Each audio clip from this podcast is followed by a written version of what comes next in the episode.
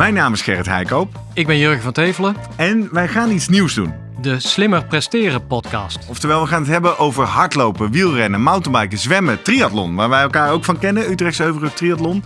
En we gaan kijken wat de wetenschappelijke basis is onder allerlei ontwikkelingen en hypes die je bijvoorbeeld in de topsport kan zien.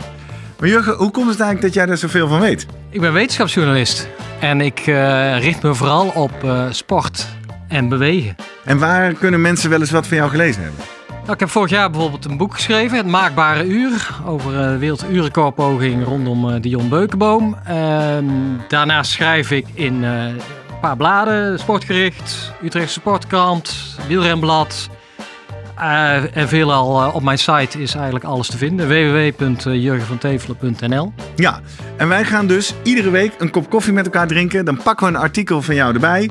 En dan gaan we eens inzoomen in enerzijds wat voor een ontwikkeling is dat en eh, wat doen topsporters daarmee. Maar vooral ook wat moet ik daar als middle-aged man in Lycra mee als amateursporter? Kan ik dat gebruiken of is dat een waste of money, wa- waste of time, waste of energie?